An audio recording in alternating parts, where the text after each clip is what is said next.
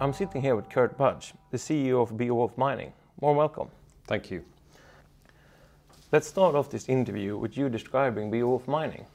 Beowulf is a listed exploration development company. We've been listed in Stockholm since 2008 and we're also listed in London. Um, we have activities in Sweden, Finland and Kosovo. We're most well known for our Kallak iron ore project in Norrbotten County in northern Sweden, uh, for which we got an exploration, exploitation concession last year in March 2022. And then in Finland, we have an exploration development company in the graphite sector, um, we're looking at both uh, defining natural resources, but also moving to, to develop a downstream anode materials production capability. And then in Finland, we're exploring for base metals and precious metals through our investment in Vardar Minerals, in which we own 61% of the company. You were here two weeks ago, but since our last interview, Beowulf has uh, published a prospect for rights issue, and the subscription period is now open. How are you feeling about that? I'm looking forward to, to it being completed, if I'm honest. Um, these processes take a long time to put together, and, uh, and really the, the real work starts when we've actually completed the capital raising, we've got the funds in, and we can actually get to work. So, yeah, I'm uh, looking forward to, uh, to getting it done and dusted. We pre previously discussed the Kallak North scoping study. Uh, can you tell us what, what is happening now? So since we got the, the, the, results from the scoping study and announced them to the markets, really we're looking at all the value drivers and the opportunities that we should be exploring in pre-feasibility.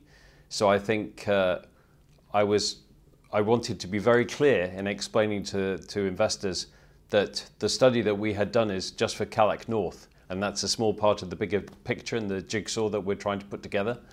And that uh, when we think about how we can improve and increase the value of the project, we're looking at ways of expanding the resource, extending the life of mine, the opportunities to, to have a higher production capacity, and, and also to, to produce higher value products. So there's lots of different work streams that we're now going to kick off once we've got the capital raising done. You talk about exploration upside and how this can support a longer life mine. Can you be more specific about that? Yes, again, the, the scoping study was focused on Kallak North only, and that's only a small part of the, the total iron mineralization that we've defined in the area. So I think, you know, it might be confusing for some, but the scoping study was Kallak North. The Kallak project is actually Kallak North and Kallak South, and we have a significant exploration target in Kallak South. And then Beowulf has, uh, has a, a, number of exploration licenses around Kallak, um, which combined uh, give us a figure of 389 million tons of iron mineralization. That's not resources and it's not reserves, which would necessarily build into a feasibility study, but it gives us an opportunity to, to go and do further exploration work to increase the size of the resource and then within the, the fullness of time put that into a mining plan. And in addition to those, those Kallak licenses as we would describe them, we've also got the August license to the northeast, which the SGU uh, put a historic resource which isn't classified of 75 million tonnes on that. So within the area, there's a lot of iron mineralisation. If we're moving on, can we touch upon uh, Vardar and Grafintec? What is the latest? So the start of the year with Grafintec in Finland, which is our graphite exploration development company looking at developing a downstream capability in anode materials production we announced a pre-feasibility study there to look at the options available to us for establishing a, an anode materials production hub, as we would call it. Um, so that work is ongoing now. We're hoping to complete that by the end of the first quarter.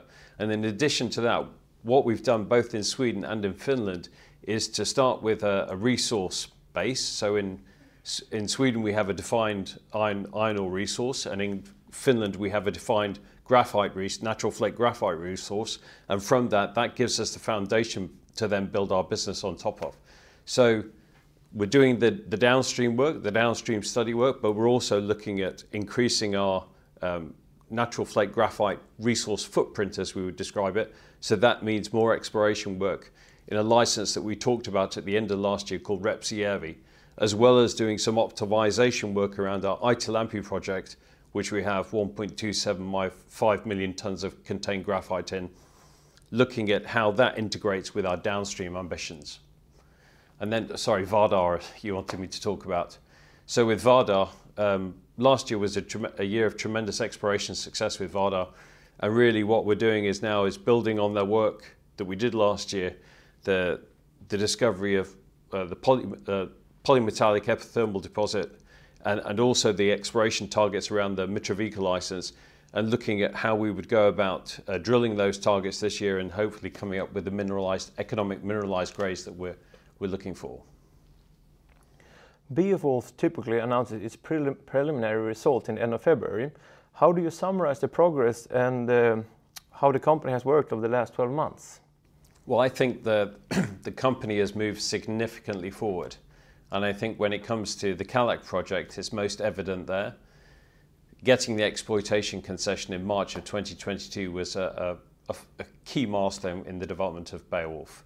Um, and, and looking forward now, we, in the last few weeks, we've had the pre-feasibility, uh, sorry, the scoping study results um, put out for Kallak North. So those two milestones, as well as the work streams that are taking place with regards to environmental permitting, there's a huge momentum now coming behind the Kallak project. And then in, Vard, in Kosovo, uh, the exploration success we had last year um, to discover the polymet polymetallic epithermal system and then to come up with all these exploration targets and then to finish off the end of the year identifying the same sort of uh, mineralized system as we're seeing in, the, in an adjacent mining mining project, the Stan Terg mine. Um, we're very excited about what we can achieve in Kosovo this year. Uh, and then Grafintec, we've maintained the momentum behind our ambitions of building a downstream business in anode materials. So it's not a bad place to be when you've got defined resources and you're operating in the lithium ion battery sector in Finland and in Europe. You mentioned earlier that you can't wait that the capital raise is going to be completed. But when it is complete, uh, what are your investment priorities and uh, what's the news for investors going forward here? I think uh, the, the key priority for us is for, for Jokkmokk Iron to be uh, getting behind the Kallak project and uh, really pushing our work streams on, on Kallak.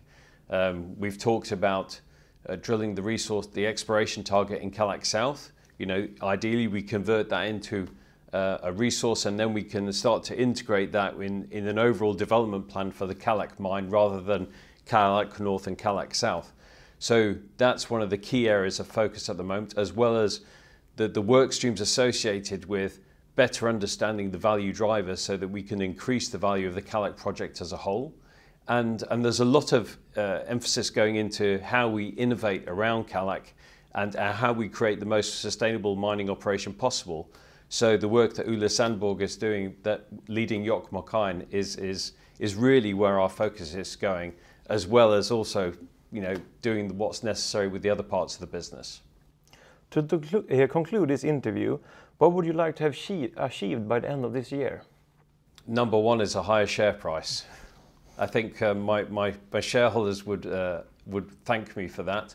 But I think with all the progress that we've made over the the last year, and, and clearly with um, you know there are other factors outside of the control of the company which have affected markets as a whole. But uh, I'm not happy with where the share price is at. Uh, I think uh, we've we've demonstrated that we've got value in the company, and it's for me to do a better job of communicating communicating that to the the markets and, and driving the share price. So yeah, number one is uh, share price. Sounds like a good target. Thank you for meeting up with us again, and good luck going forward. Thanks very much indeed.